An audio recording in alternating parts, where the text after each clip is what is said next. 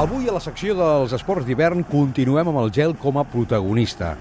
I avui per acostar-vos una modalitat molt especial, olímpica des de l'any 24 i que té absolutament entregats els seus practicants. Avui us volem parlar del curling.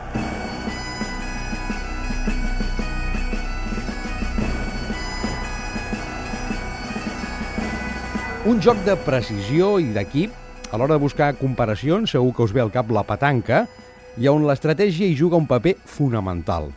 Es va començar a practicar sobre el gel d'Escòcia cap a l'any 1600. Aviam, és, és l'esport més proper que, que a l'hora de puntuar i a l'hora de jugar pues, és, és, és semblant. L'únic que bueno, la superfície no és sobre sorra, sinó sobre, sobre gel. És en Víctor Navarro, president, practicant i de tot una mica del Barcelona Curling Club, un dels punts de trobada pels malalts d'aquest esport i l'únic que trobem a la capital catalana.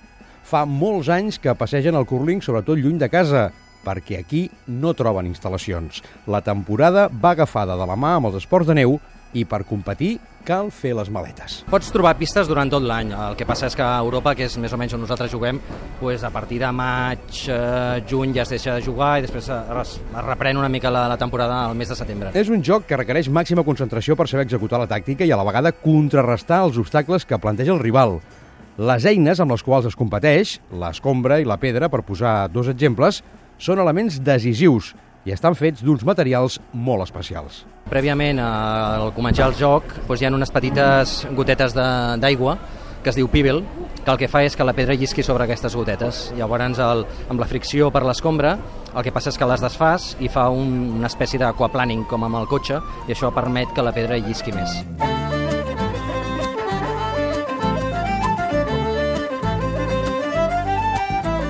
Els escocesos van exportar el curling al Canadà i per això al cap dels anys allà són una autèntica potència, dominen aquest esport. També els suecs són uns experts en la matèria.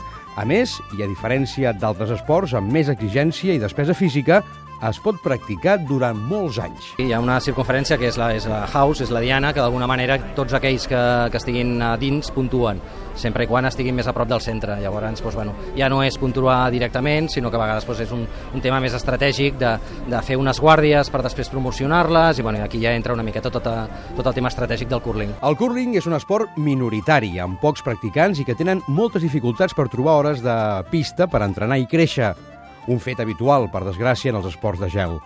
Els que volen competir i tenen la mirada fixada en uns Jocs Olímpics saben que ho poden arribar a aconseguir perquè hi ha més possibilitats entre menys practicants. La majoria de clubs que, que han anat sortint mica en mica a Catalunya i a, i a Espanya doncs, eh, parteixen de la idea de voler ser olímpics. Llavors eh, vam triar un esport minoritari on creiem també que, que, bueno, que hi hauria menys competència i bueno, ens vam estar informant i en seguida vam veure que per aquí hi havia, hi havia opcions. L'etiqueta d'esport olímpic, inclòs el calendari de proves d'uns Jocs d'hivern, li augmenta el caché i el mostra al món en tota la seva extensió i amplitud durant els dies de competició. El projecte olímpic català, amb uns possibles Jocs d'hivern l'any 2022, manté viva la flama de tots els que estimen i es desviuen pel curling.